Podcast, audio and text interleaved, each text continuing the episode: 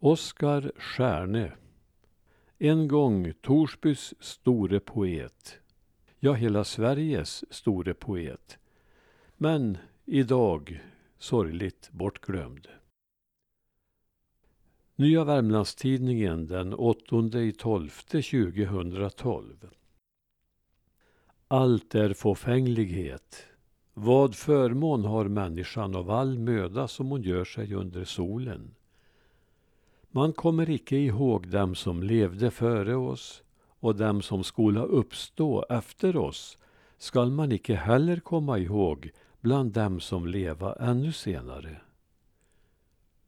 När jag nu såg på allt vad som händer under himmelen, se, då var allt fåfänglighet och ett jagande efter vind. Det är lätt att instämma i predikarens ord. Det går sorgligt fort när våra gamla storheter faller i glömska. Nyligen skulle Gunde Johansson ha fyllt 90 år, något som kunde ha uppmärksammats bättre i media. Han var stor underhållare och folkbildare för inte alls länge sedan. Men idag är det inte många under 40 som vet vem han var. På 1960-talet var det knappast någon svensk som inte kände till Gunde Johansson och kunde sjunga med i refrängen på Torparvisan. Uppmärksammad blev han dessbättre förra året då han återuppstod i form av staty i Filipstad. Där har han chans att stå emot angreppen från tidens tand.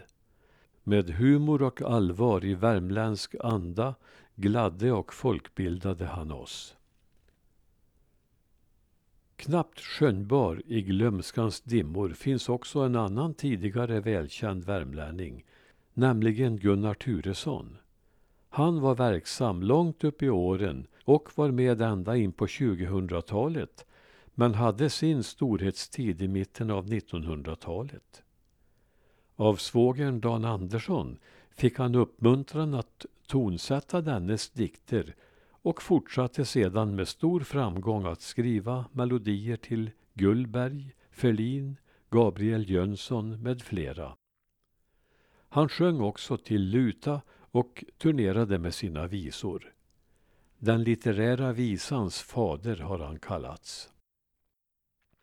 Gunnar Turesson lade också ner stor energi på att samla visor, ramsor och sägner från de värmländska bygderna. En kulturarbetare av stora mått. En tredje värmlänning, egentligen hela svenska folkets egendom, var Tore Skogman. Kanske var han den mest kände svensken, kungen inräknad, när han var som mest i ropet. Men fråga ungdomarna idag vem han var. Nog skulle lokalradion kunna bekämpa fåfängligheten och släppa fram dessa röster då och då. Om vi tittar ur nordvärmländskt perspektiv kan vi lätt konstatera att den störste bland våra kulturarbetare, absolut rikskändis, var poeten Oskar Stjärne från Kajsea i Torsby. Hans namn lever kvar i Stjärneskolan, gymnasieskolan i Torsby och på en jättelik gravvård på Fryksände kyrkogård. För hundra år sedan visste varenda svensk skolunge vem Oskar Stjärne var. Men tiden går och 2017 har han varit död i ett sekel. I viss utsträckning har väl tiden löpt ifrån Stjärne och hans diktmotiv. Men många av verken känns fortfarande aktuella och giltiga. Fyndiga rim och lättflytande vers skrev han utan tvekan och ämnesvalet var varierande. Inte bara om björkarna där hemma. När han var som störst, fram till 1920-talet, såldes hans diktböcker i jätteupplagor. Hela 55 000 exemplar under ett par decennier. Hans diktning hade den form som tusenden förstå, enligt Snolsky.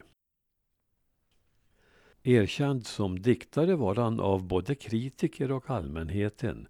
Och så stor var Stjärne att han hörde till de första tillsammans med bland andra Karlfeldt som hedrades med de nios pris.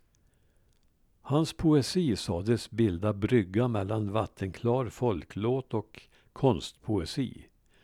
Och så var det nog. Hans levnadsbana sammanföll till viss del med den 13 år äldre Gustaf Frödings och nog låg han med sin diktning både på svenska och värmländska lite för nära den store föregångaren för att säkra en framtida plats i litteraturhistorien. Nationalencyklopedin talar om en Fröding-inspirerad virtuositet. Ragnar Ljung har sagt att Stjärne i mycket var en lärjunge till Fröding men än mer till Heidenstam och Karlfeldt. Ändå med egen ton. Stjärnes första diktsamling som han gav ut under pseudonymen Jung på Hea fick välvillig kritik av självaste Oskar Levertin men redan här råkade han ut för att bli jämförd med Fröding. Knut Varmland menar att Stjärne som dialektpoet var folklig och lättillgänglig men inte tillräckligt självständig. I Stjärnes dödsruna skrev Hjalmar Furuskog Du var värmlänning, Oskar Stjärne. Därför hade du två strängar på din lyra. Det leende glittrande skämtet och det tunga mörkögda allvaret. Därför liknade du Fröding utan att imitera honom. Din drömmande hembygd bar du med dig genom världen i ditt minne och din längtan. Ja, som en hembygdens diktare framstod Stjärne, även om han också skrev om andra ting och likheten med Fröding fick han leva med. Inte bara genom sitt diktande utan också för att han tog vid där Fröding slutade som journalist på Karlstadstidningen. De fyra sista levnadsåren kunde han inte arbeta på grund av sjukdom och han lämnade det jordiska endast 44 år gammal. Inför begravningen den 31 oktober 1917 meddelade NVT på förekommen anledning var Karlstadsborna kunde lägga sina kransar och blommor för vidare transport till Torsby. Begravningen förrättades av studiekamraten C. V. Bromander och stora folkskaror hade trotsat regnvädret och sökt sig till Fryksände kyrka för ett sista farväl. I sitt tal erinrade Karlstadstidningens redaktör Maurits Hellberg om sin medarbetares vekhet, hjärtegodhet och barnarena själ. I Karlstadstidningens dödsruna framkom en önskan att Stjärnes verk ska leva vidare. Han skall leva framför allt i Värmland. Och det vore ju illa om denne store fryksdaling blev glömd i sin hembygd som han älskade och besjöng så vackert.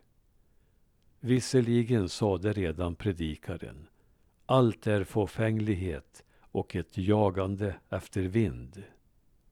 Men ändå.